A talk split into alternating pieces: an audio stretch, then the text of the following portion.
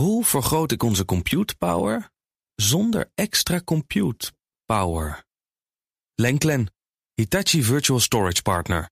Lenklen, betrokken expertise, gedreven innovaties. Hartelijk welkom bij De Technoloog. 332, hallo Herbert. Hoi Ben. Ja. Met eh, een aflevering over kunstmatige intelligentie. Je staat te juichen. Ja, dat vind ik zo mooi. Generative AI. Daar hebben we natuurlijk al honderd dagen geleden of honderd, nou ja, honderd afleveringen geleden over gehad. Generatieve AI.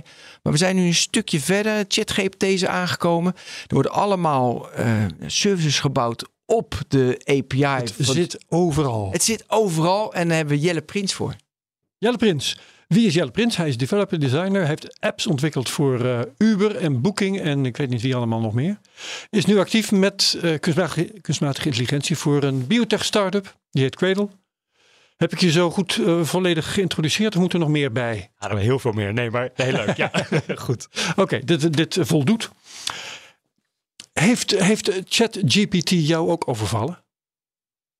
heel simpel, ja. Kijk, als ik als ik terugdenk. Waar, afgelopen... waar was je toen je voor het eerst van hoorde? Nee, dus over uh, afgelopen 15 jaar heb ik voornamelijk apps ontwikkeld. Ja. En het, het, doet me heel erg denken aan de early days van de iPhone. Maar toen was het allemaal bij te houden, de ontwikkeling. Je ging met vrienden zitten en besprak van, heb jij nog leuke apps gezien? En nu gaat het zo ontzettend hard dat je er echt een dagtaak aan hebt om het allemaal bij te houden. Er komen ja. veel nieuwe tools uit die ik gewoon niet kan proberen. Nou, ChatGPT uh, denk ik was een hele goede interface. Uh, ik ben mijn bedrijf met kunstmatige intelligentie zijn we uh, een paar jaar geleden begonnen. Ik ben toen overtuigd door mijn co-founder die lang bij Google aan kunstmatige intelligentie heeft gewerkt van hey, dit is de nieuwe shit, dit gaat groot worden. Daar keek ik naar en ik dacht, oh ja, die hype gaat komen.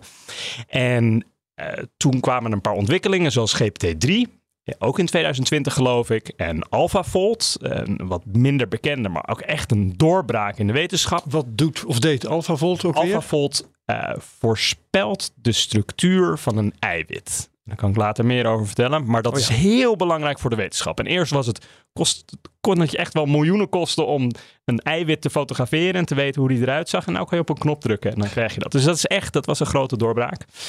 En dus uh, toen zag ik van oké, okay, dit is groot. Wanneer gaat de rest van de wereld dit oppikken? Nou ja, dat hadden we voorspeld van, oh, dat gaat wel binnen een jaar gebeuren. En toen kwam GPT 3.5, ChatGPT. En de rest is history. history. Ja, ja, ja. ja, weet je, ik, ik, ik uh, was eigenlijk van plan om jou te vragen van uh, noem eens wat plekken waar uh, ChatGPT of waar kunstmatige intelligentie in het algemeen nu opduikt. Maar er is eigenlijk geen begin aan, hè? Je kunt beter zoeken naar plekken waar het niet opduikt. Nou, misschien is het wel leuk om een paar goede ja, use cases die er nu zijn, zijn, die wel even te benoemen. Ja, nou, ik denk dat als eerste moet je zeggen dat het natuurlijk een, een gekke vraag is. Want je stelt ook niet de vraag van noem waarvoor elektriciteit wordt gebruikt of ja. internet of iets dergelijks. Als het zo'n fundamentele uitvinding Dat zegt is. al goed nou, genoeg als je daarmee dat, vergelijkt. Dat zegt al heel veel, ja. maar inderdaad wat mensen willen weten is van maar waarvoor kan ik het op dit moment gaan gebruiken? En, en het is wel, wil, sorry dat ik je onderbreek, ja. maar het heeft ook met die apps te maken. Want jij zei in apps zaten we met elkaar van hey, welke apps heb jij nu en welke heb je gevonden? Nu zijn er zoveel services en eigenlijk praat je daarover. Welke service heb je nu gezien? Nou, het, het, zit natuurlijk al in heel veel producten die we gebruiken. En hele bekende voor heel veel consumenten is de, de TikTok-feed, de Facebook-feed, de Twitter-feed en dergelijke. Daar wordt mm. kunstmatige intelligentie in gebruikt. Um, het, het, ligt een grondslag aan uh, in Google uh, voorspellen van de volgende woorden. De Google Search zelfs. Dus in heel veel diensten zit kunstmatige intelligentie eigenlijk zonder dat we dat echt weer doorhebben. Uh, maar je gaat nu wel zien dat nu ChatGPT een API heeft, ja. dat we dat in heel veel apps nog verwerkt gaan zien worden. En ik, ik keek toevallig laatst op mijn homescreen van mijn telefoon. En ik ging proberen per app te bedenken van wat zou ik daar dan mee kunnen? Zullen we dan eerst eventjes, want uh, voor, voor uh, misschien de enkele luisteraar die het nog niet weet, uh, een API, wat doet dat precies? Een API laat een ontwikkelaar van een app feitelijk toe om de functionaliteit van ChatGPT in dit geval in zijn eigen app in te bouwen. Dus ja. Ja, en mag ik daar. Oh, sorry. Ja, ga je gang. Nou ja, daar heb ik gelijk al vragen over. Want ja. uh, ik, heb een, ik ben een ontwikkelaar van een app bijvoorbeeld. En ik heb allemaal data van Herbert. En uh, dan, dan ga ik dat. Uh, en ik verbind met de API van, met de API van OpenAI. Uh, heeft Microsoft dan ook alle data van Herbert? Of kan ik dat afsluiten? Een hele praktische vraag, hè? maar dat soort vragen zijn. Want ik heb echt nu straks een anekdote, die vind ik echt geweldig, ja. maar daar kom ik zo Of kan Microsoft de data van jouw bedrijf opzuigen? Juist. Nou, ik geef eerst die anekdote. Jelle, die vind jij mooi. Ik zit naast een developer. Uh, half jaar geleden of negen maanden geleden. Ik zeg, heb je Copilot al gebruikt? Ja? Hij zegt nee. Ik zeg, ja gast, kom op, een beetje bijblijven. En uh, dus hij gaat, terwijl ik ernaast zit, gaat hij zich aanmelden bij Copilot van GitHub. Op een gegeven moment dan uh, vraagt... Maar ik wil weten, wat is Copilot? Oh, Copilot is het afmaken van je code. Dus hij oh. suggereert, het is generative AI met code. Okay, en, nu, en Copilot zegt natuurlijk nee, hij maakt je hele code. Uiteindelijk is het gewoon een suggestie. Heb je, uh, dus hoe moet je verder gaan met je code? Ja. Um, dus op een gegeven moment vraagt Copilot, can I get access to your repository? Dat betekent dat hij dus alles wat die gast ooit heeft gemaakt van allerlei klanten zou GitHub slash Microsoft hup, naar Microsoft GitHub brengen. Dus we keken elkaar aan. Nee, dat gaan we niet doen. Hè? Nee, dat gaan we niet doen. Dus dit is best wel een, uh, gevaarlijk dat ja. dat gebeurt. Dus daarom die vraag met Herbert. Heeft dan Microsoft ook die data van Herbert? Ja, nou, is de achtergrond van de vraag. En het is natuurlijk een, een, ook een, een, mooi voorbeeld van hoe je dat moet gaan afwegen. Want ik ken aardig wat programmeurs die zeggen dat ongeveer 40 tot 80 procent van de code die ze nu schrijven, eigenlijk door Copilot wordt geschreven. Dus ze worden ontzettend veel efficiënter. Maar als je wil dat Copilot jouw programma kent, jouw code repository in jouw stijl programmeert, ja, dan moet hij daar wel uh, enigszins toegang toe hebben. Dan Is moet dat hij belangrijk daar wel. dat Copilot in jouw stijl gaat programmeren? Ik denk dat daar programmeurs misschien wat verschillende meningen over hebben. Maar over het algemeen zou ik zeggen, uh, laten we het simpel maken. Uh, geef een, uh, een, GPT toegang tot de documenten van je bedrijf. En je hebt net een, een belletje gehad met een klant en je wil een offerte voor die klant gaan maken, dan is het mooi dat GPT ook weet hoe die offertes binnen jouw bedrijf of de presentaties binnen jouw bedrijf eruit zien en dat het helemaal in die stijl kan. Ja, en daar moet je iets voor opgeven. En dan is de vraag natuurlijk van wat doet Microsoft of Google of OpenAI vervolgens met die data? Ja. De data van, al, van ons bedrijf staat bij Google. Uh, Toch al.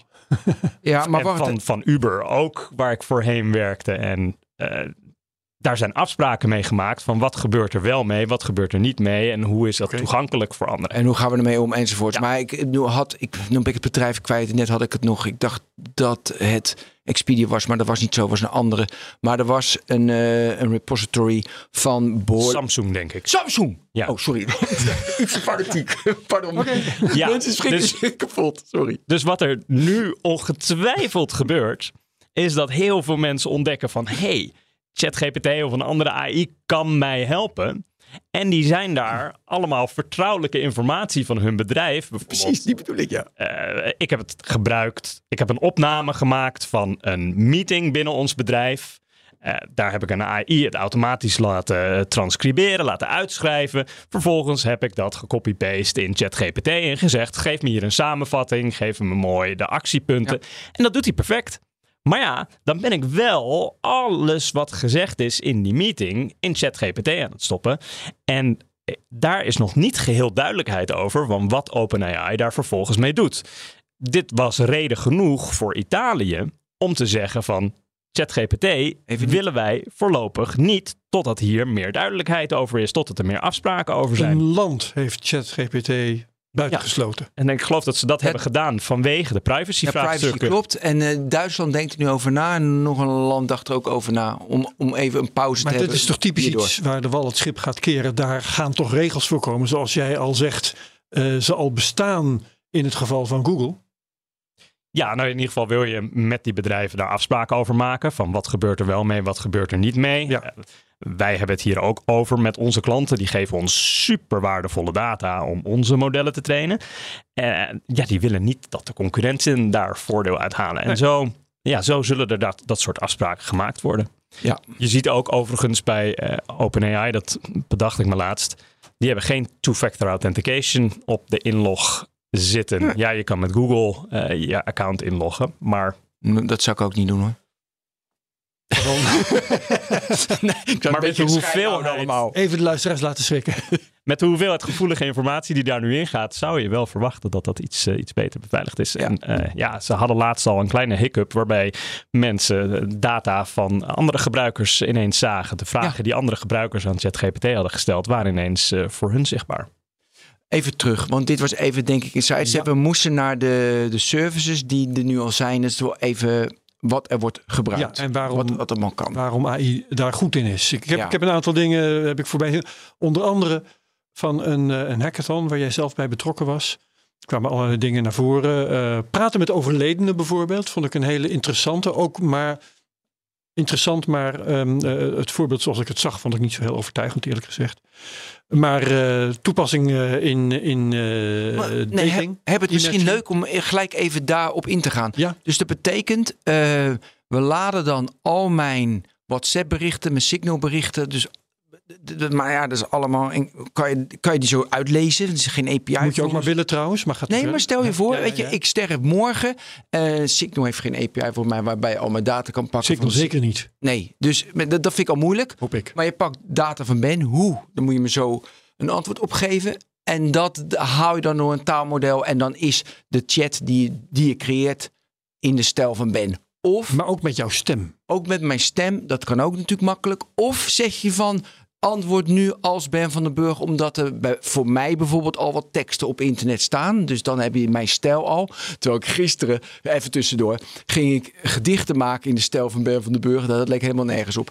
Dus, maar goed, dat, Ben je een dichter? Nee, Oh. maar goed, ik dacht in de stijl waarop ik schrijf en waarop ik praat, kan je misschien toch op een bepaalde manier dichten. Oké. En hij wist niet eens wat een sonnet was. Dat vond ik ook slecht. Maar en dit, dit terzijde. Terug. Eh, hoe gaat dat? Iemand is Ik, dood. ik denk dat de hoe heel makkelijk is. Ik bedoel, je hebt waarschijnlijk tienduizenden e-mails in je inbox zitten. Je hebt vele tweets. eh, je WhatsApp berichten, je Telegram berichten zijn allemaal te downloaden. Nou, dat- een Video's, klein beetje de data structureren.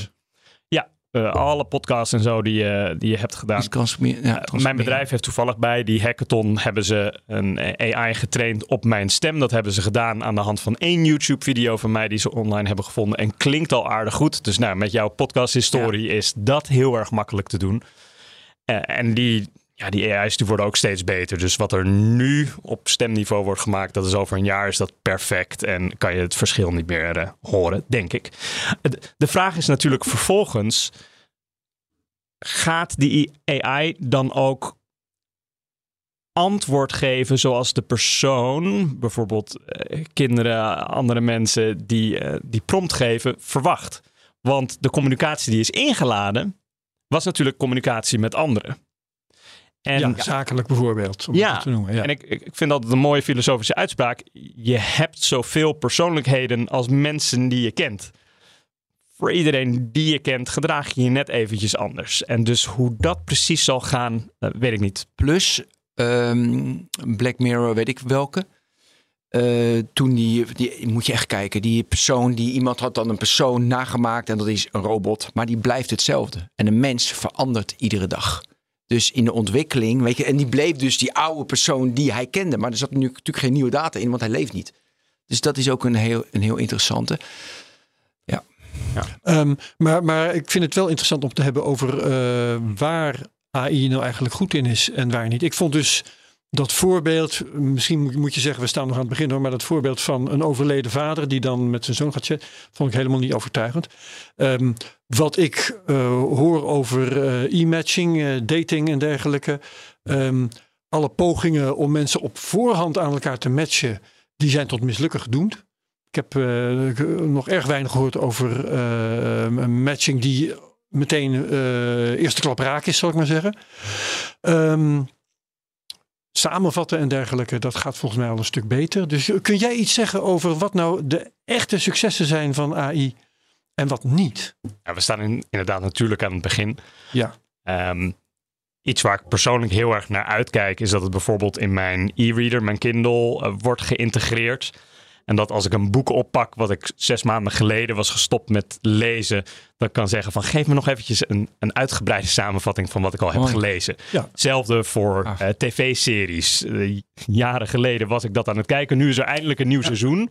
Maar dan wil ik eventjes een samenvatting van echt anderhalf uur van wat ik al eerder heb gezien. In plaats van eventjes een vijf minuten recap. Dus dat is iets waar ik persoonlijk dan erg op zit te wachten. Uh, bij de hackathon uh, is een van de dingen die uh, mijn team had gemaakt. Um, een gepersonaliseerde podcast met de dingen die we delen in onze Slack chat. Dus in onze Slack delen we heel veel wetenschappelijke papers. Zowel machine learning papers als biologie papers. En je hoopt natuurlijk dat iedereen binnen het team die leest, maar daar hebben we geen tijd voor. Nee. En een bot pakt die papers, uh, extraheert de content. Samenvat samen, En- ja, mooi. Ja, maakt daar een script voor van twee AI-podcast hosts, die dus niet bestaan en die samen die papers gaan bediscussiëren. En eh, daar wordt een podcast mee gemaakt. En dan kan je zelfs per teamlid instellen van oké, dit is een bioloog. De biologiepapers kan je meteen heel diep ingaan, maar de machine learning papers moet je eventjes op een versimpeld niveau behandelen. nou ja, en dan wil je een podcast van 10 minuten, kwartiertje, uur. En werkt dat dan ook echt zo dat degene die daarom vragen, hè, met dat soort specificaties, daar heel erg tevreden over zijn? Ik denk dat we daar nog een beetje aan het begin zitten, ook binnen 24 uur gebouwd. Wat ook wel weer echt heel erg indrukwekkend is, dat je dat tegenwoordig binnen 24 uur kan Met behulp van. AI natuurlijk weer. Ja, met behulp van AI. En ik denk dat zometeen als we toegang hebben tot de plugins, dus dat ChatGPT data van andere plekken kan halen, en eh, echt daadwerkelijk toegang krijgt tot tools, dat het nog heel veel sneller kan. Dan kan je wat in die hackathon in 24 uur is gebouwd, waarschijnlijk in minder dan een uur, misschien wel in vijf minuten in je eentje eh, bij elkaar typen. Ehm, maar we staan er nog aan het begin.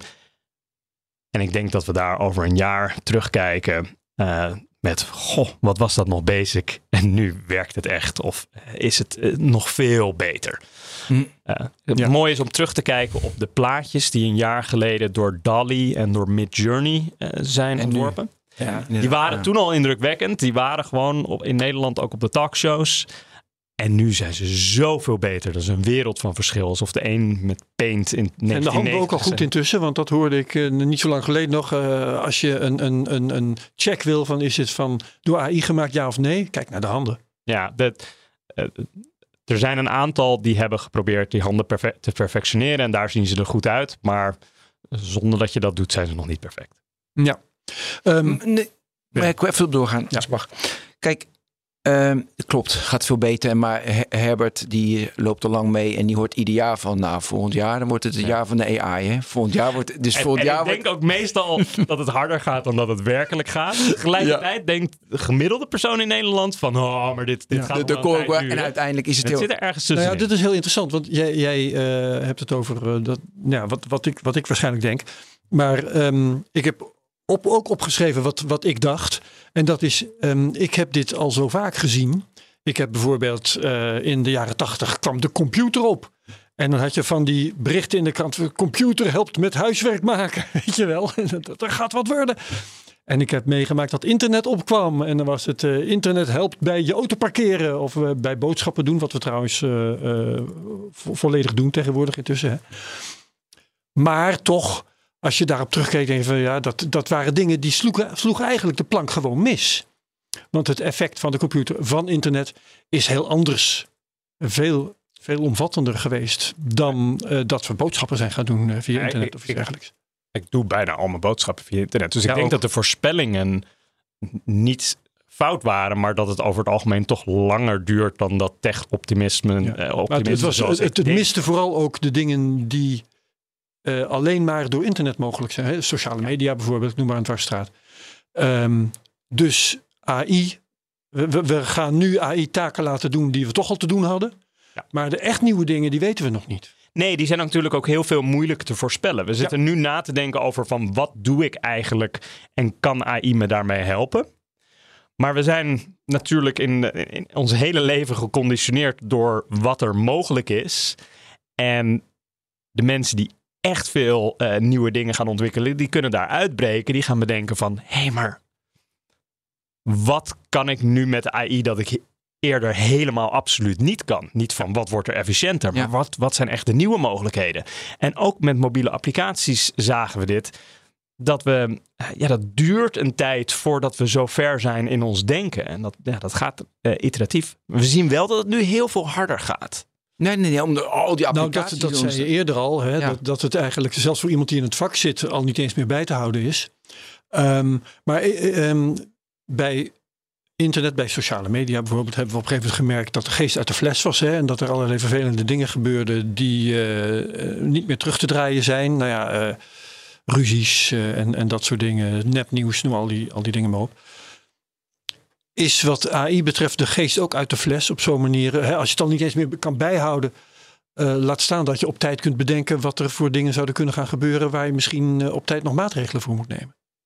Ja, ik denk Klinkt dat, heel technologie negatief, dat snap ik wel. Maar ik de denk dat even. inderdaad de geest uit de fles is. Ja. Ehm, de, er gaan geluiden op dat het verboden moet worden, dat er een pauze moet zijn. Eh, Zelfs dat er- kan al niet meer. Er heeft zelfs iemand gesuggereerd van. eh, en als ze niet pauzeren, dan moeten we een bom gooien op de datacentra waar de, de Nvidia-chips eh, liggen. Ehm, Dat is de Ja. basis. Dus Alsof dat zou helpen. ja, want. Of tenminste, nee. Want er zijn inderdaad al modellen die gewoon op je computer draaien. Die zijn minder krachtig. Maar de geest is uit de fles. En ehm, En aan ons hoe we daar zo goed mogelijk mee omgaan. ja, en Maar kunnen, kijk, wij kunnen, maar heel veel mensen kunnen er waarschijnlijk niet goed mee omgaan. Maar dit blijf ik abstract vinden.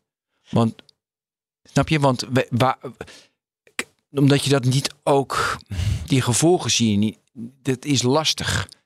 Weet je, ik vind, dat, kan- dat, ja, Ja. ik hoorde een heel mooi voorbeeld van eh, als je in, het ging over, produ- ging over productiviteit. Als je in 1990 had voorspeld wat internet allemaal kon, dan eh, van, nou, de productiviteit gaat zeker omhoog. Ja, dat, dat kan zoveel. En de e-mails gaat veel sneller dan een brief schrijven. Dus er gaat echt veel productiviteit gaat omhoog. Het blijkt dus niet zo geweest te zijn. Waarom niet? Omdat de negatieve effecten, dat je de hele dag aan het YouTuben bent, aan het Netflixen bent, afgeleid wordt, dat, dat elimineert de productiviteitsgroei. Dus het is een beetje nul nu.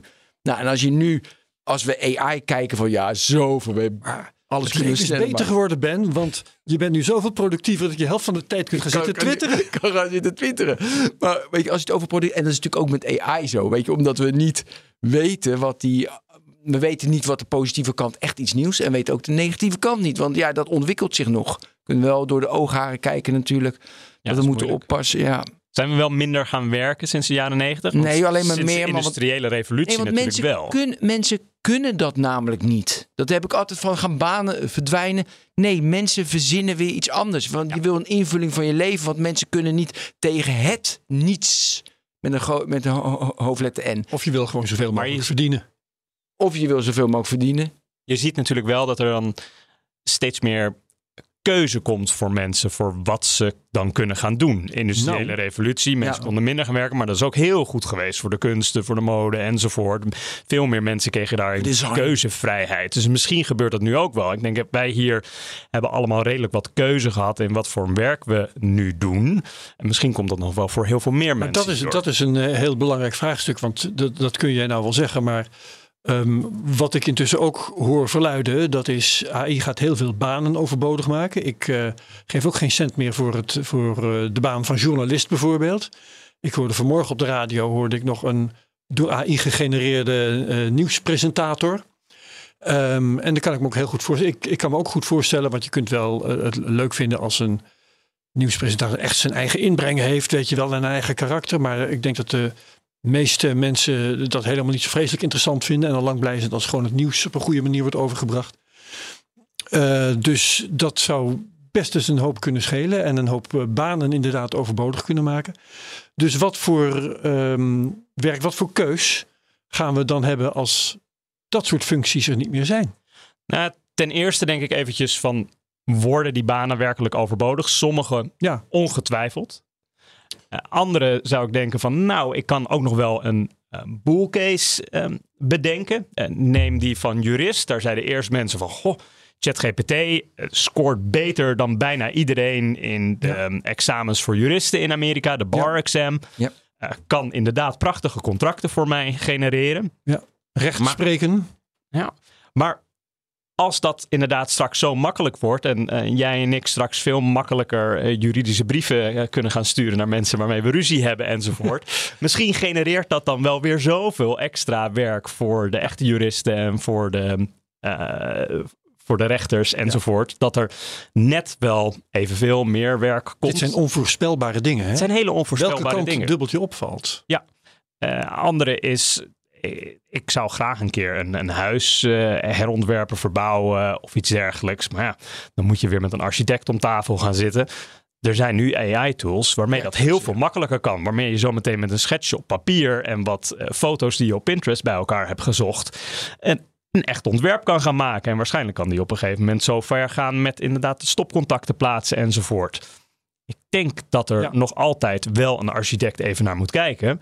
Maar als heel veel meer mensen dit kunnen, dan komen er in ieder geval aardig wat eh, Ik- ik las banen een- bij in de bouw om dit allemaal Ja, te en ik was een Twitterdraad van iemand die had eventjes eh, tegen ChatGPT gezegd van ik wil eigenlijk een eh, marktonderzoek eh, van eh, en ik weet niet eens meer wat het was, moet ik even kijken. Ja, schoenen. Ja, waterschoenen. Ja, of iets waterschoenen. Juist. Waterschoenen was het. Goed, in elk geval ja. En eh, ik wil even weten welke merken er zijn, eh, welke types. eh, de, eh, ik wil, een- ik wil een, een vergelijking van de belangrijkste eigenschappen. Nou, en dat kwam gewoon. Ja. En eh, ja, wie zegt dat dat slechter is dan wat de mens gedaan zou hebben? En het gebeurde in acht minuten, dat er nog even bij. Nee, ik denk, denk dat het over het algemeen het resultaat heel goed is. Je moet er absoluut rekening mee houden dat het fout is. En dat het met het volste zelfvertrouwen je compleet Ja, incorrecte producten die al lang niet meer verkrijgbaar zijn bijvoorbeeld. bijvoorbeeld. Ja. Of die helemaal niet bestaan. Ja. Ehm, Maar ik heb laatst, deed ik als test een soort eh 2 voor 12 eh, quiz. En het wist alle antwoorden correct te geven. En dan persoonlijk kon ik dat niet. Dus ja, Ja, maar en over die eh, case, dus um, heeft het onderzoeksbureau, die, eh, die heeft dus heel veel kosten bespaard, omdat het in acht minuten ging, dat onderzoek. Ja. Dan moet je controleren, dus ben je nog een dag kwijt. Maar de betrouwbaarheid van het onderzoeksbureau, dat is vaak de, de asset, verschrikkelijk woord, maar dat is vaak de waarde, ja, dus de waarde die het heeft. Dus het onderzoeksbureau wordt goedkoper, maar uiteindelijk heeft natuurlijk de klant, eindklant dat door. Dus dan gaat dus die zegt van ja, normaal moet ik voor zo'n onderzoekrapportje zeg maar wat 3000 euro betalen. Ja, daar heb ik nu nog maar 1000 voor over. Dus je krijgt dus een waardeverschuiving met dat soort dingen. Maar de waarde zit natuurlijk in de, in de betrouwbaarheid van een onderzoeksbureau. Ja. En die moeten dus, die ChatGPT, als het met ChatGPT is gedaan, moet die zo weten van oké, dat klopt niet, dat klopt wel en dat het betrouwbaar is. Nou ja, tot, totdat ChatGPT of welke AI dan ook de reputatie krijgt dat hij dat heel goed doet. Dat kan toch ook? Ja, eh, maar dat, dat, dat zou. Ja, maar dat, dat vind ik. Dat vind, ja, daar heb ik twijfels bij. Daar heb ik twijfels bij, omdat ik me niet voor kan stellen dat een ChatGPT, in dit geval een onderzoeksbureau, dat eh, een, een bedrijf zijn hele strategie in onderzoeksbureau hè, laat bepalen door iets wat een ChatGPT op dit moment hè, beslist. En misschien is het over tien jaar, weet je, is het zo goed en betrouwbaar dat ja, blind, net zoals Google, ik vertrouw het en klaar, er zitten flaws in, dat snap ik. Maar nu, en dan kom ik eigenlijk op een onderwerp wat een beetje terug is, en we kunnen straks hier naartoe, hoor, is van wat er op dit moment wordt gemaakt, is nog allemaal, het is niet, ik heb weinig gezien, het is af, het is klaar, strikt eromheen, ik kijk er niet meer naar. Het is allemaal nog, een, allemaal nog, en misschien blijft dat nog heel lang, een hulpmiddel voor de mens om een beter te schrijven, om je belastingaangifte beter te doen. Die heb je zo allemaal opgeschreven, Herbert. Om een moeilijke brief te simplificeren. Het is allemaal hulpmiddel. Maar het is niet van, oké, klaar. Weet je als ik een Uber, even in jou een Uber-taxi bestel, een knop drukken en de Uber komt. Nou, dat is af. Weet je, die service is af. Dit, hulp. Of zie je ook al dingen waarbij het echt af is? Samenvattingen. Nou, ik denk dat ja, maar ten dan eerste... kijk je ook nog naar, Herbert. Dan ga je ook nog kijken van, ben ik, is die samenvatting... Ja, maar als je dat vijf keer gedaan hebt en er is niks op aan te merken, dan doe je het geen zesde keer. Hé, hey, dat is een hele goeie. Ik had, ik had vorige week, die moet ik even noemen. Dat ging over eh, quantum crypto, iets. iets Grafie. dat ging op een, oh ja, eh, maar cryptografie op quantum manier. was een rapport van een of ander instituut, 80 pagina's. Was te veel tekst in één keer. Ik plakte de hoofdstukken erin. Ik zeg, vat het samen in duizend woorden. Volgende hoofdstuk in duizend woorden. Heerlijk. Je hebt gelijk. Ja, dan is je het voor mij af. checken. en- Ja, Je hebt dat een een, mooiere dienst. Eh, Oh. Je hebt twee diensten. Eh, daar kan je de een PDF kan je daar uploaden. En dan kan je feitelijk met de chatbot praten over die PDF. Dus heerlijk. dan hoef je niet meer te Oh, wat copy-pasten. lekker, Ja, jongens. Ik gebruik dat ook vaak wanneer iemand een wetenschappelijke paper met mij deelt. Dan hup, kan ik op die manier kan ik, uh, maar het lezen. De truc wordt vooral om dat soort uh, instrumenten nog te vinden. Hè? Want, uh, ik, of kun je dat ook gewoon aan ChatGPT vragen? Dat weet ik eigenlijk ja. Nee, want, ja. Nee, ja, nee, want die is tot, tot 2001. Ik heb het vanmorgen nog gevraagd. Of gisteren. Uh, klopt, maar uh, de plugins zijn al aangekondigd. En met die plugins kan die browsen over het web. Allemaal, ja. En kan die ook, uh, nou ja, een van de dingen die die zelf nog niet goed kan, is bijvoorbeeld rekensommetjes. Kan die herkennen van, hé, hey, je wil nu... Dat twitterde jij, don't ask it to, to do math. Hoe, wat maak je me nou, dacht ik toen. ja, probeer het maar, vraag maar 2 nee. plus 2. Ik denk, denk, niet dat je een correcte antwoord krijgt. Ga, ga ik doen, maar, maar hoe kan dat? Want het is de oertaak van een computer, dat dat, dat niet gewoon goed gaat. Ja, nou Kijk, deze modellen die zijn um, origineel bijvoorbeeld bedoeld voor uh, het maken van correcte vertalingen. En uh, in plaats van dat ze per woord van Nederlands naar het Engels gaan vertalen, vaak is de context waarin een woord wordt gebruikt, is heel belangrijk in een zin voor de vertaling. Ja.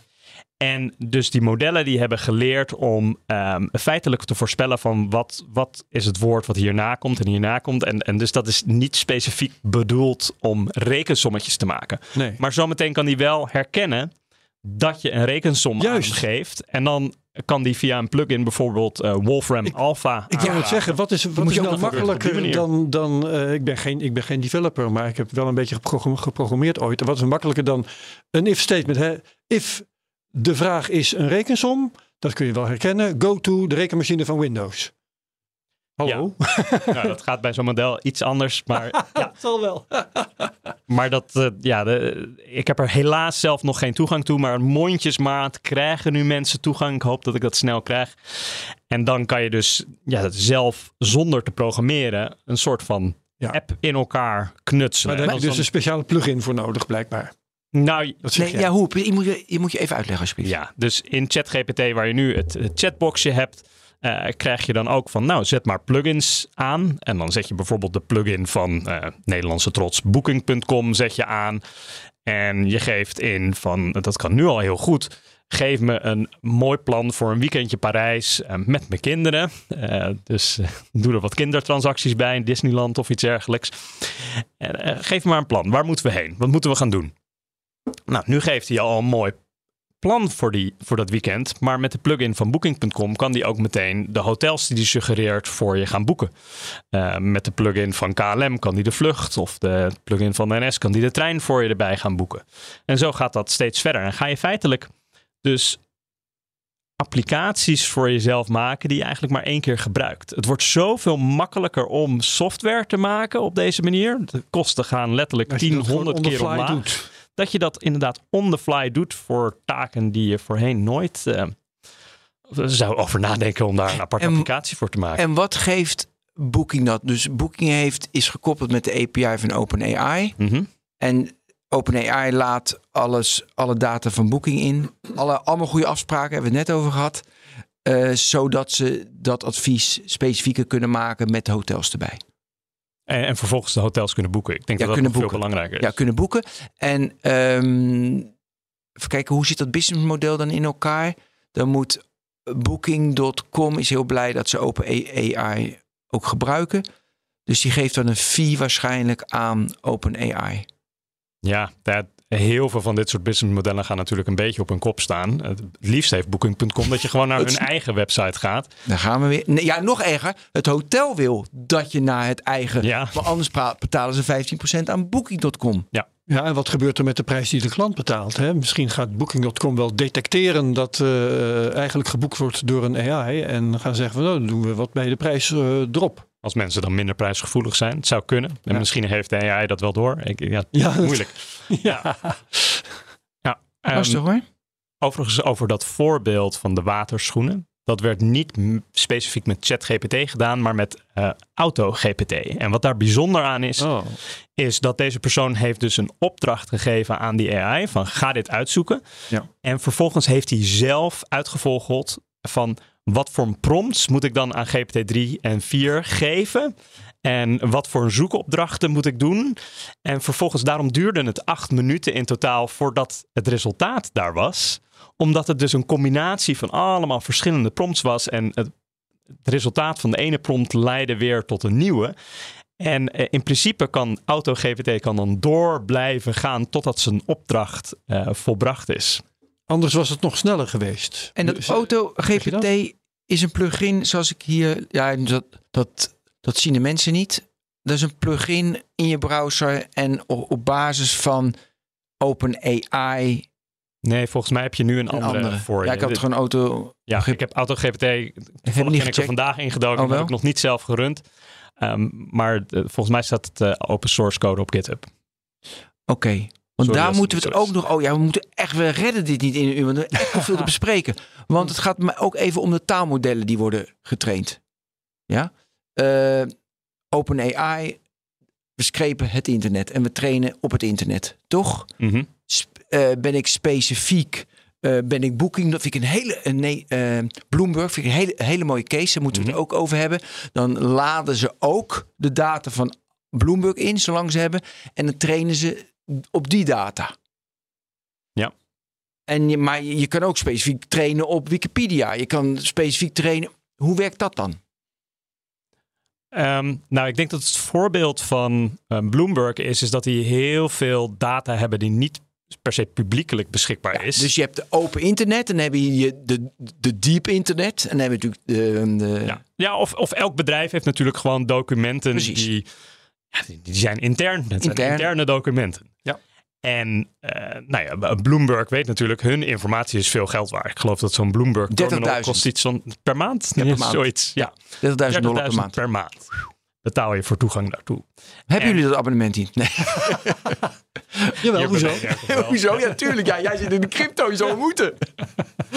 Maar eh, alsnog moet je daar. eh, Ik heb nog nooit achter een Bloomberg terminal gezeten. Maar ik ga er helemaal vanuit dat dat een beetje zoeken is. En dat je alsnog zelf onderzoek moet doen. En dat door zo'n model te trainen op de Bloomberg-informatie. dat je eh, die informatie feitelijk kan bevragen. Net zoals je nu ChatGPT of Bing eh, dingen kan gaan vragen. Ik gebruik ChatGPT heel veel als vervanging voor Google. Waar ik normaal een zoekopdracht geef en dan vervolgens meerdere pagina's krijg en moet gaan lezen en zelf een conclusie moet gaan trekken. Ja, geeft ChatGPT maar gewoon een veel sneller antwoord. En als dat er logisch uitziet, dan ben ik tevreden. Maar vertrouw jij dan de, de feitelijkheid van die informatie bijvoorbeeld? Ehm, een, niet 100%, niet, niet blind. Want ik, gewoon zo werkt die technologie niet. Als hij telkens gewoon maar het volgende woord voorspelt, dan soms gaat hij wat we noemen hallucineren. En bedenkt hij maar iets. Maar in heel veel gevallen, en zeker als het eh, ja, een redelijk voor de hand liggende vraag is, eh, is het gewoon wel correct. En als ik erover twijfel, dan ga ik het factchecken. En als je niet twijfelt, Dan neem ik het voor waar aan. En het, het zal een keer fout gaan. En maar dat is ik denk wel dat het heel belangrijk is voor mensen om zich dat te realiseren. Dat het niet altijd correct is. En eh, ja, zeker met bijvoorbeeld medische informatie. eh, dat, je dat, eh, dat je dat toch wel moet gaan factchecken. Dat je ermee met, naar de dokter moet of iets dergelijks. Maar er zijn ook Ja. al prachtige voorbeelden. Dat het op basis van een aantal symptomen hele goede conclusies trekt. Er was laatst een filmpje van een medisch student. Die enigszins in paniek raakte. Omdat hij al zoveel jaren aan het studeren was. En vervolgens ChatGPT een moeilijke casus gaf. En het was een correct antwoord. En hij had zoiets van: holy shit, waarvoor heb ik eigenlijk gestudeerd? Ja. Eh, nog even over dat trainen. Dus eh OpenAI met GPT 3,5 is dus de, het algoritme waarop hij al de data van het, het internet traint, is openbaar. Toch 3,5 en 4 hebben ze gesloten. Met Bloomberg trainen ze dan met GPT 3,5 of hebben ze dan hun eigen algoritme ook nog gemaakt? Of weet je dat niet? Of wat is gangbaar? Ik, ik dacht dat Bloomberg had een eigen model gemaakt met vergelijkbare technologie. Eh, dus we hebben het over large language models. Ja. Ik denk dat er waren andere casussen waarbij OpenAI samenwerkte met, was het Morgan Je hebt Stanley? gelijk, je hebt gelijk, je hebt gelijk. Want Bloomberg GPT, ze hebben dus een eigen algoritme op ze een. Maar dan heb ik van, weet je, wat was de inspiratiebron? Wat hadden ze van GitHub getrokken, waardoor ze een eigen model maakten? Was het model goed genoeg dat ze die eh, ML designers hebben die dat kunnen maken bij Bloomberg? Vind ik ook wel knap, want je hebt een andere expertise. Ja, oké. En bij Morgan Stanley daar was het volgens mij wel gewoon standaard. Daar de- was het een samenwerking met, met OpenAI. OpenAI als voorbeeld van: hey, kijk, elke organisatie kan dit op een gegeven moment gaan doen. Ik had het er met een vriend laatst over. dat heel vaak wanneer mensen weggaan bij hun organisatie, verdwijnt daarmee ook alle e-mails die de persoon ooit heeft gestuurd, alle kennis die die persoon heeft. En ze zouden zo graag, wanneer iemand ontslag neemt of ontslagen wordt, eh, de AI trainen op al de documenten die die persoon had eh, geproduceerd, zodat je kan vragen van, hey, hoe zat dit ook alweer? Zo. Ben GPT. Ja. Ja, een soort uh, leven variant van de overleden vader. Die, ja. ja, ja, ja, ja. Ja, en dan maar ook heel erg gericht op de specifieke bedrijfskennis die persoon had. Ja. Um, moet iedereen nu zich vertrouwd gaan maken met AI? Dat denk ik wel. Ja. Dit is, iedereen moet gaan spelen met uh, ChatGPT bijvoorbeeld. Ja, ik denk dat dit een, een fundamentele uitvinding is uh, die uh, grote impact gaat hebben op de wereld. Uh, eerst vergeleken we het met de introductie van de iPhone. nu horen we steeds vaker van, nou, dit is groter. Dit is de uitvinding van elektriciteit, het internet. Het vuur. Het, het vuur. Het vuur, het wiel. het wiel. Ja. En, nu zijn we niet allemaal. Oh, kom op man, beetje ja. realistisch blijven. Het vuur. maar dit gaat een gigantische impact hebben. En je kan er bang voor zijn. Uh, heel veel, ook van mijn vrienden, zijn toch wel bang voor uh, wat dit voor een impact gaat hebben op hun werk. Maar ja, dat, zoals we eerder zeiden, de geest is uit de fles. En het enige wat je ja. kan doen, is er enigszins vertrouwd mee gaan raken. Uh, je gaat niet direct vervangen worden door een AI. Nee, maar als maar... het wel gaat gebeuren, dan gaat het niet helpen als je je er tegen verzet. Nou, ik denk dat je eerder vervangen gaat worden door iemand anders die wel comfortabel is met AI en dat veel efficiënter werkt. Ja, ja, ja, ja, ja, ja. En dus dat lijkt mij de reden van ga er nu mee spelen. En nou, er zijn steeds meer. Je kan overal zelf gratis een account aanmaken om ermee te gaan spelen. Er zijn ja. meetups, er zijn hackathons. Ik had er laatst een georganiseerd. Over een week ga ik er naar eentje in Londen. Zo zullen er nog heel veel meer komen.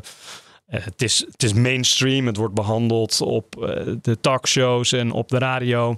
En, uh, hm. Dus ja, de komende jaren gaan we hier allemaal comfortabel mee worden, hoop ik. Ja, en als je dat, als je dat gaat doen, hè, je gaat spelen met nou, een of andere manifestatie van AI. Um, hoe kom je er dan achter wat AI voor je kan doen? Gebeurt dat vanzelf? Nou, gebeurt het vanzelf. Ja, je moet toch. Je moet het er misschien over hebben met je collega's. Je moet ermee gaan experimenteren. Je moet gaan ja. denken van wat ben ik nu aan het doen en zou AI me daarmee kunnen helpen? Ik denk dat er nog veel materiaal moet komen om mensen inspiratie te geven. Om mensen beter uit te leggen van hoe de technologie werkt en waarom het dus geschikt is voor de ene taak en, en niet geschikt is voor de andere taak. Dit kregen we ook toen de iPhone net werd aangekondigd. Toen kreeg ik dagelijks mensen die me belden of e-mailden met een idee waarvan ik zei: van dit is geen app, die, die moet je niet proberen te ontwikkelen. Nou, dat is, gelukkig is dat nu allemaal voorbij. Mensen weten wat een app wel kan en wat een app niet moet doen. Uh, en hetzelfde geldt denk ik voor AI. Straks gaan mensen ook allemaal dingen toedichten aan AI dat het nog helemaal niet kan. Nou, en dat zal. Uh... Dan uh, niet kan of gewoon niet zo geschikt is. En dan kom ik even terug op jouw uh, partner Replica, dat bestaat al jaren, dat is een appie. En dat is, uh, dat is een soort heur, zeggen ze. En er komen artikelen dan in de Washington Post dat iemand verliefd is geworden en uh, zijn echte vriend, vriend niet meer wil. Maar die, re, die replica.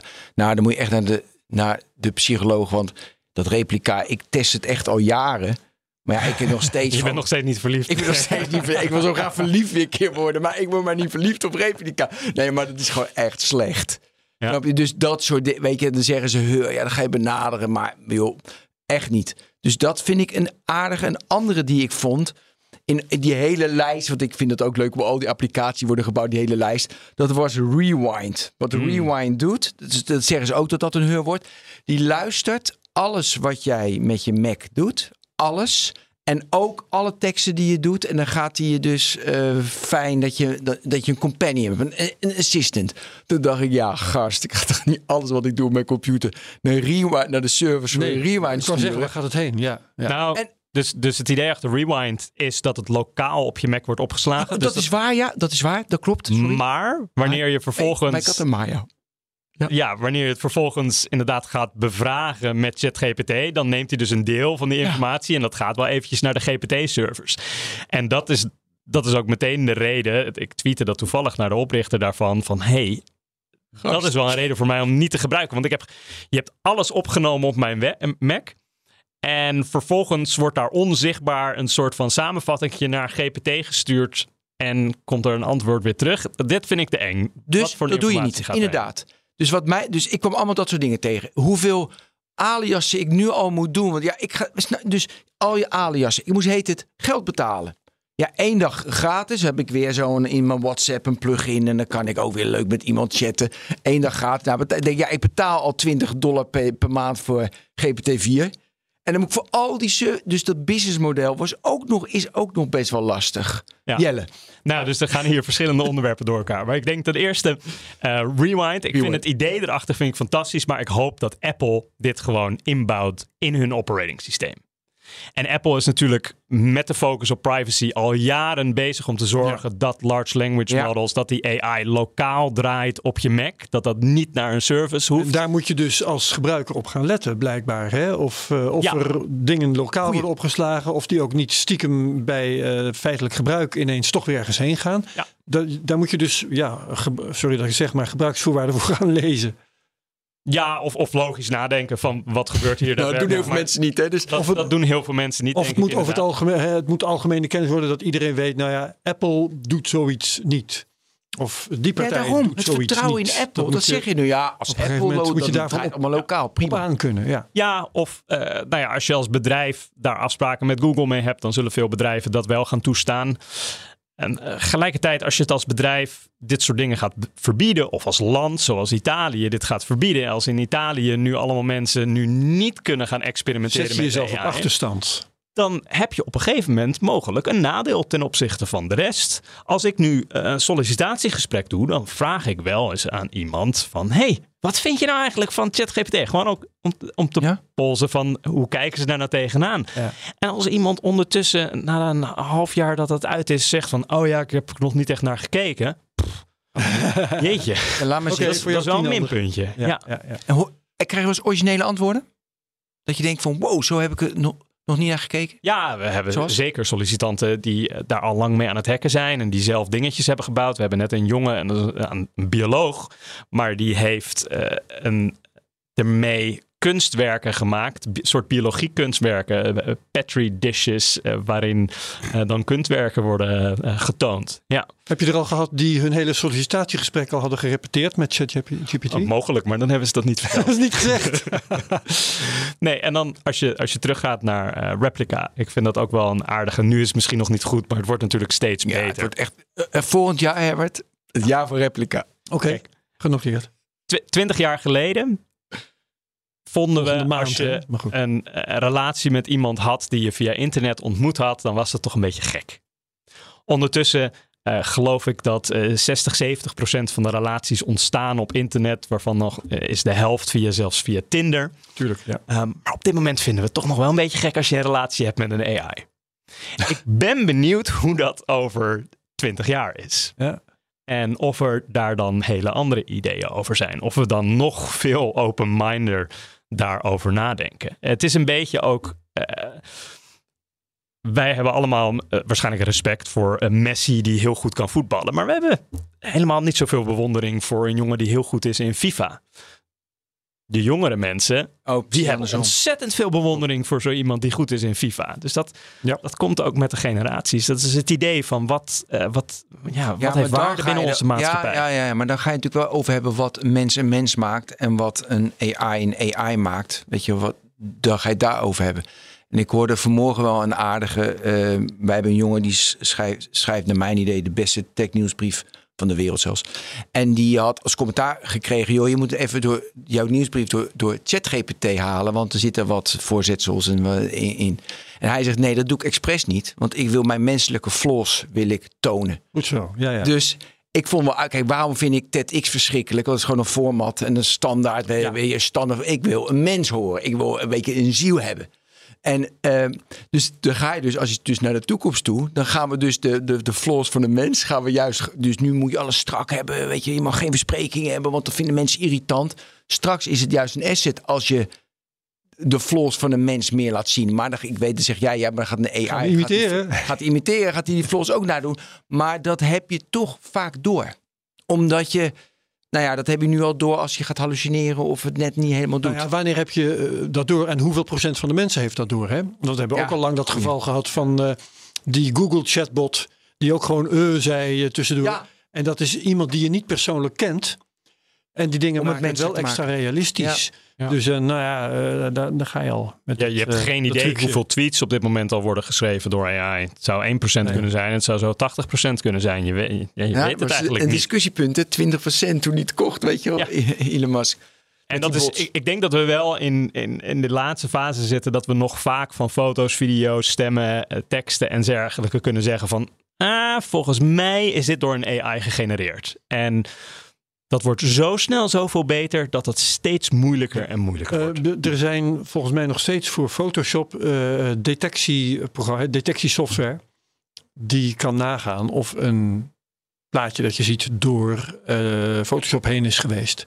Denk je niet dat er detectiesoftware kan komen en ook aangepast worden, wapenwetloop, we weten dat, dat je kunt zien of iets door AI is gegenereerd? Ik, ben zelf niet gekwalificeerd om dit definitief te antwoorden, maar de al- algemene consensus is dat nee, dit eh, wordt niet detecteerbaar. Gelijkertijd proberen onder andere OpenAI wel een soort watermerk in hun teksten en dergelijke te genereren, zodat ze in ieder geval zelf kunnen detecteren wat door AI gegenereerd is en wat niet. Ja, stel dat zometeen het internet overspoeld wordt met duizenden eh, nieuwe SEO, eh, blogposts en dergelijke, allemaal door generative AI Nou. gegenereerd. En vervolgens gaat OpenAI hun GPT-5 daarop trainen. Ja, waar, waar zijn ze dan op aan het trainen? Op de output van GPT-4. Maar Jelle, ik heb een vriend die woont in Amerika. En die maakt nu SEO geoptimaliseerde eh, productpagina's. Alleen maar met het ChatGPT en andere eh hoe het de taalmodellen. Ja. En dat is dan hartstikke mooi. Dus iedereen vindt dan direct zijn product. Maar ja, er kan ook iemand allemaal fake product, SEO geoptimaliseerde productpagina's automatisch het internet op gooien. Wow, de vervuiling die daardoor zou kunnen ontstaan. Ja, ik ben benieuwd hoe Google daar straks mee Ja. omgaat. Eh, nou ja, wat gebeurt er met allemaal door AI geoptimaliseerde pagina's als Google even een eh, tweakje doet aan zijn algoritme? Ja, oh, zoveel vragen. We moeten ook nog over die. eh, we, hebben over, we hadden het over replica en over rewind. Nou, mooi. Rewind was het? Mhm. Ja, we moeten over die 20%. Dat, dat stoorde mij dat ik overal weer ook weer 20 euro moest betalen voor al die services. Hoe zie jij, hoe kijk je naar het businessmodel? En aan de andere kant mooi hè. Geen advertenties, gelijk gewoon betalen voor je service. Dat snap ik. Maar ik moest zoveel testen. Ja, Dat- nee, ik heb ook wel aardig wat diensten nu voor betaald. ja, waar ik vervolgens denk van, goh, en ze lopen nu alweer achter. Dat was weggegooid geld. Kijk, die eh, modellen draaien of die modellen trainen is niet goedkoop. Dus eh, dat een aantal van die diensten geld kosten, ja, daar, daar kom je niet omheen. Eh, ik denk ook dat advertenties op een goede manier in het antwoord van ChatGPT verwerken. Eh, dat, dat vergt nog wel eventjes wat nadenken. Want je wil het beste antwoord en niet het antwoord van een bedrijf wat daarvoor betaalt. Ja. Mhm. Contextueel zou je wel veel kunnen doen, Ja, denk ik. Tegelijkertijd ja, spaart het mij nu zo ontzettend veel tijd dat ja, 20 euro is Nee. 20 euro. Nee. Maar het spaart mij uren per Nee. week minimaal. Nee, GPT-4 vind- lo- betaal ik met lachend. Fijn. Ja. Maar doen al die services die het net niet zijn, weet je, dat is allemaal experimenten enzovoort. al die plugins. Oké, dus Ja. dan hoef ik verder, dat komt uiteindelijk goed. Nee, en eh, voor eh, de meeste mensen zullen nu gewoon de gratis versies van Nee, Midjourney, ik. ChatGPT en zo gebruiken. En eh, nog meer, nu die API's beschikbaar zijn, wordt het langzaamaan allemaal verwerkt in al je verschillende applicaties. En daar hoef je waarschijnlijk niet voor te betalen. Eh, Als het zometeen de samenvatfunctie in je Kindle zit, ga je daar niet extra voor betalen. Nee. Dat hoort bij de dienst. En als, eh, want daar moest ik aan denken terwijl ik eh, over vandaag zat na te denken over deze opname. Ehm, als we Clippy weer terugkrijgen, de fameuze paperclip in Office. Volgens mij ben jij een brief aan het schrijven. Kan ik even helpen? Dat Ja. was zo godschuwelijk irritant. Ehm, Ja, maar hij was ook nog niet slim. nee, maar en, en is het dan straks niet meer irritant? Ah, Als hij goed getraind is, niet. dan eh, heeft hij vaak de feedback gekregen van nu even niet, nu even niet. Dat hij leert van oké, misschien nu eventjes niet. En als de gebruiker goed getraind is, dan haalt hij misschien, dan roept hij misschien op tijd clipje erbij. Ja, nou er zijn nu een aantal applicaties waarbij je hem zelf kan aanroepen. In je Mac of misschien ook je Windows. Die heb ik al lang niet gebruikt. Uh, er is een bedrijf, uh, Adapt.ai geloof ik. En die maken een AI die leert wat je doet op de computer. Dus waar je klikt met je muis, welke, welke stappen je doorloopt. Om vervolgens dat soort taken allemaal voor je te kunnen automatiseren. En dus dan kan je tegen je computer zeggen van ga dit doen. Je hebt ook een aantal experimenten waarbij je een, large language model zoals ChatGPT toegang geeft tot je, je terminal in je Mac. Zodat die applicaties daar kan gaan uitvoeren.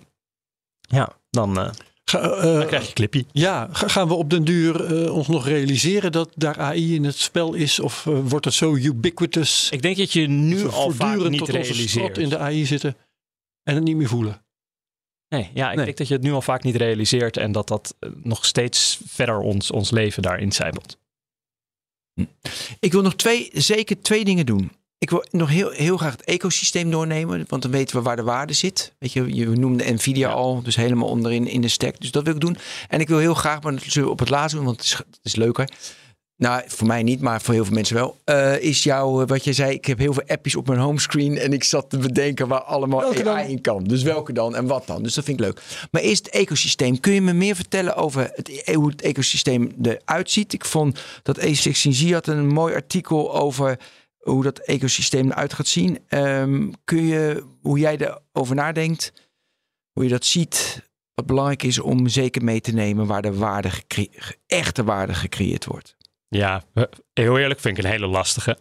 Uh, op dit moment worden natuurlijk op verschillende niveaus waarde gecreëerd, maar wie de, daar uiteindelijk uh, de echt grote bedrijven worden, moeilijk te voorspellen. Ik denk dat een paar maanden geleden uh, dachten heel veel mensen van, oh, dit is een gold rush. Ik ga allemaal eigen applicaties maken, want ik zie dat die verouderde software, dat die vervangen gaat worden door een AI-enabled software. Ja. Nou, een aantal hebben daar wel eventjes wat geld mee gepakt, maar we zien nu dat het gewoon de oude software is die AI als killer feature gaat integreren.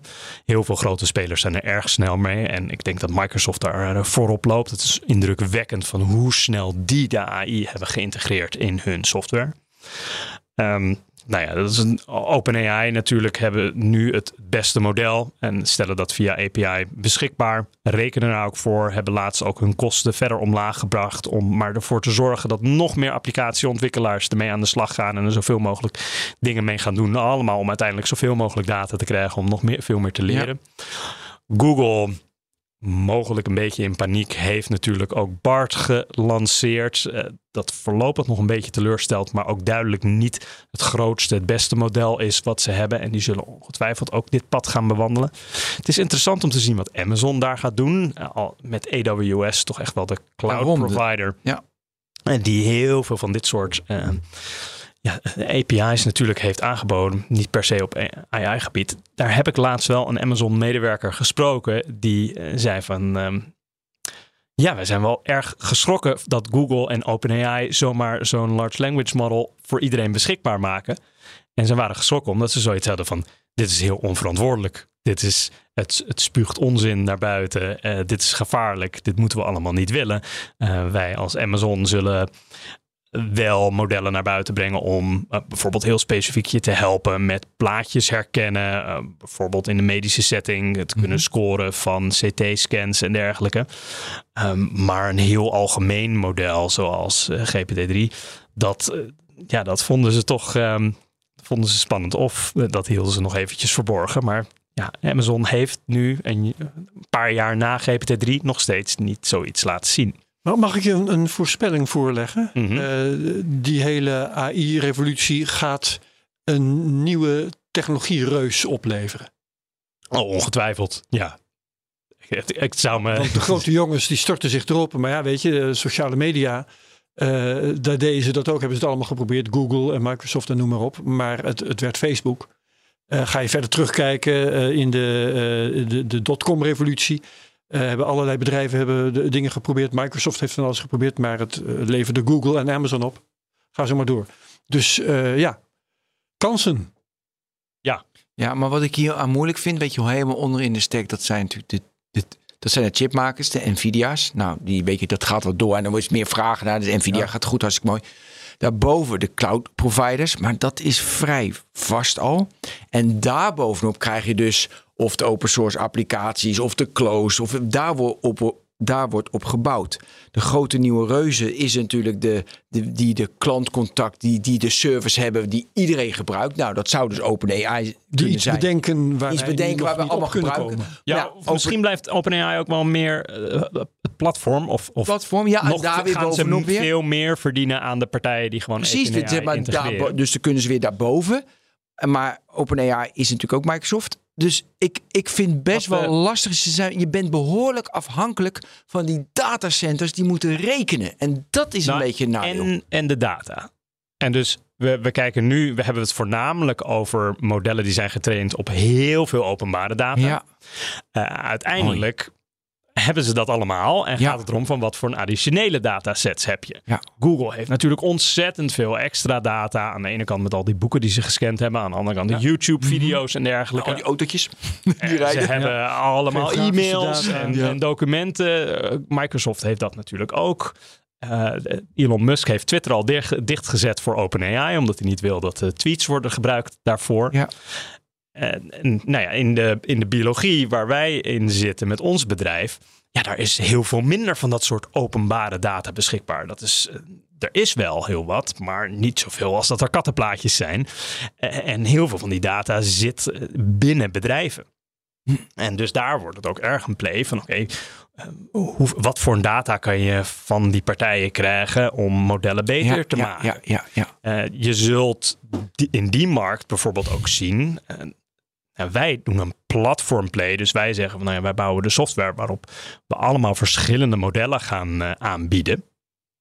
Eh, maar heel en, en dus verdienen we eh, feitelijk als een soort SaaS-platform gewoon aan het gebruik van onze software. Maar je ziet heel veel partijen die bouwen modellen die ze helemaal voor zichzelf houden om bijvoorbeeld specifieke medicijnen te gaan ontwikkelen. En die medicijnen die brengen ze dan helemaal naar de kliniek. En dat is hun businessmodel uiteindelijk. Zorgen dat ze een ziekte hiermee oplossen. Patenten aanvragen op hun technologie. Ja. En zo ga je daar hele eh, verschillende aanpakken zien. ja Ik denk dat we fijn toe antwoord. zijn aan jouw laatste vraag. Ja, mijn laatste vraag is: pak je telefoon. Je hebt allemaal appjes op je homescreen staan. En je, ermee. en je zat te bedenken van eh, waar kunnen we AI? Nou, noem een app. Nou, de één had ik al genoemd met de Kindle. Eh, Spotify is denk ik een leuke. Eh, Die zijn eh, aan het nadenken over hoe ze podcasts kunnen gaan genereren voor je. Slack, denk ik dat, dat is de chatbot binnen ons Ja. eigen bedrijf. Maar ja, dat je daar in ieder geval de conversaties en dergelijke gaat samenvatten. Daar kunnen veel dingen gebeuren. Ehm, e-mail lijkt me erg voor de hand liggend wat daar eh, kan gebeuren. Je foto-applicatie zit natuurlijk al best wel veel AI in. Ik kan binnen mijn foto-applicatie vragen van... nee, geef me alle foto's van eh, mijn jongste zoon bijvoorbeeld. En dan... En maak er een paar nieuwe bij. Ja, precies. Genereer even wat nieuwe zoons. Kijk, een Ja, nieuwe ja. zoon. Of maak alvast de foto's van als hij zeven is. Ja, precies, ja. Ja. Ja, als je oud is, weet je, hebt ook Ja. die generator, Ja, ja. Dat, ja, dat je ouder wordt. Mooi. Tegelijkertijd is er natuurlijk ook eentje. eh, Ik heb lang bij Uber gezeten. En in, eh, zeker in 2014, 2015 was toch echt wel het geloof binnen de industrie dat we zelfrijdende auto's eh, zouden krijgen. Dat 2020 was toch wel. Dan zouden de zelfrijdende auto's toch wel de, de markt over gaan nemen. Ja. En eh, nou, dat is toch een stuk langzamer gegaan dan we allemaal dachten. Ja, ze rijden nu in San Francisco rond en in een aantal andere eh, buitensteden in Amerika. Maar hier in Amsterdam heb ik ze nog absoluut niet zien rijden. Nee, nee, dat nee, ze gaan komen, zeer zeker. Maar die ontwikkelingen gaan toch weer langzamer dan we hadden gedacht. Interessant. We spraken met eh, Jelle Prins. Dankjewel. Dankjewel, Voor Jelle. deze technoloog, eh, developer eh, voor eh, Uber in het verleden, Booking en eh, nu bij Cradle, biotech startup. Ehm dankjewel Ben. Herbert, bedankt. En dankjewel luisteraars. Dit was wil je zeggen? 332. Dit was aflevering 332 van de Technoloog. Tot plezier. volgende week bij Hoi. aflevering 333. Dag allemaal.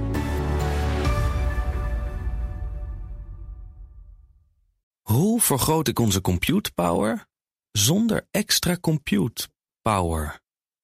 Lenklen, Hitachi Virtual Storage Partner. Lenklen, betrokken expertise, gedreven innovaties.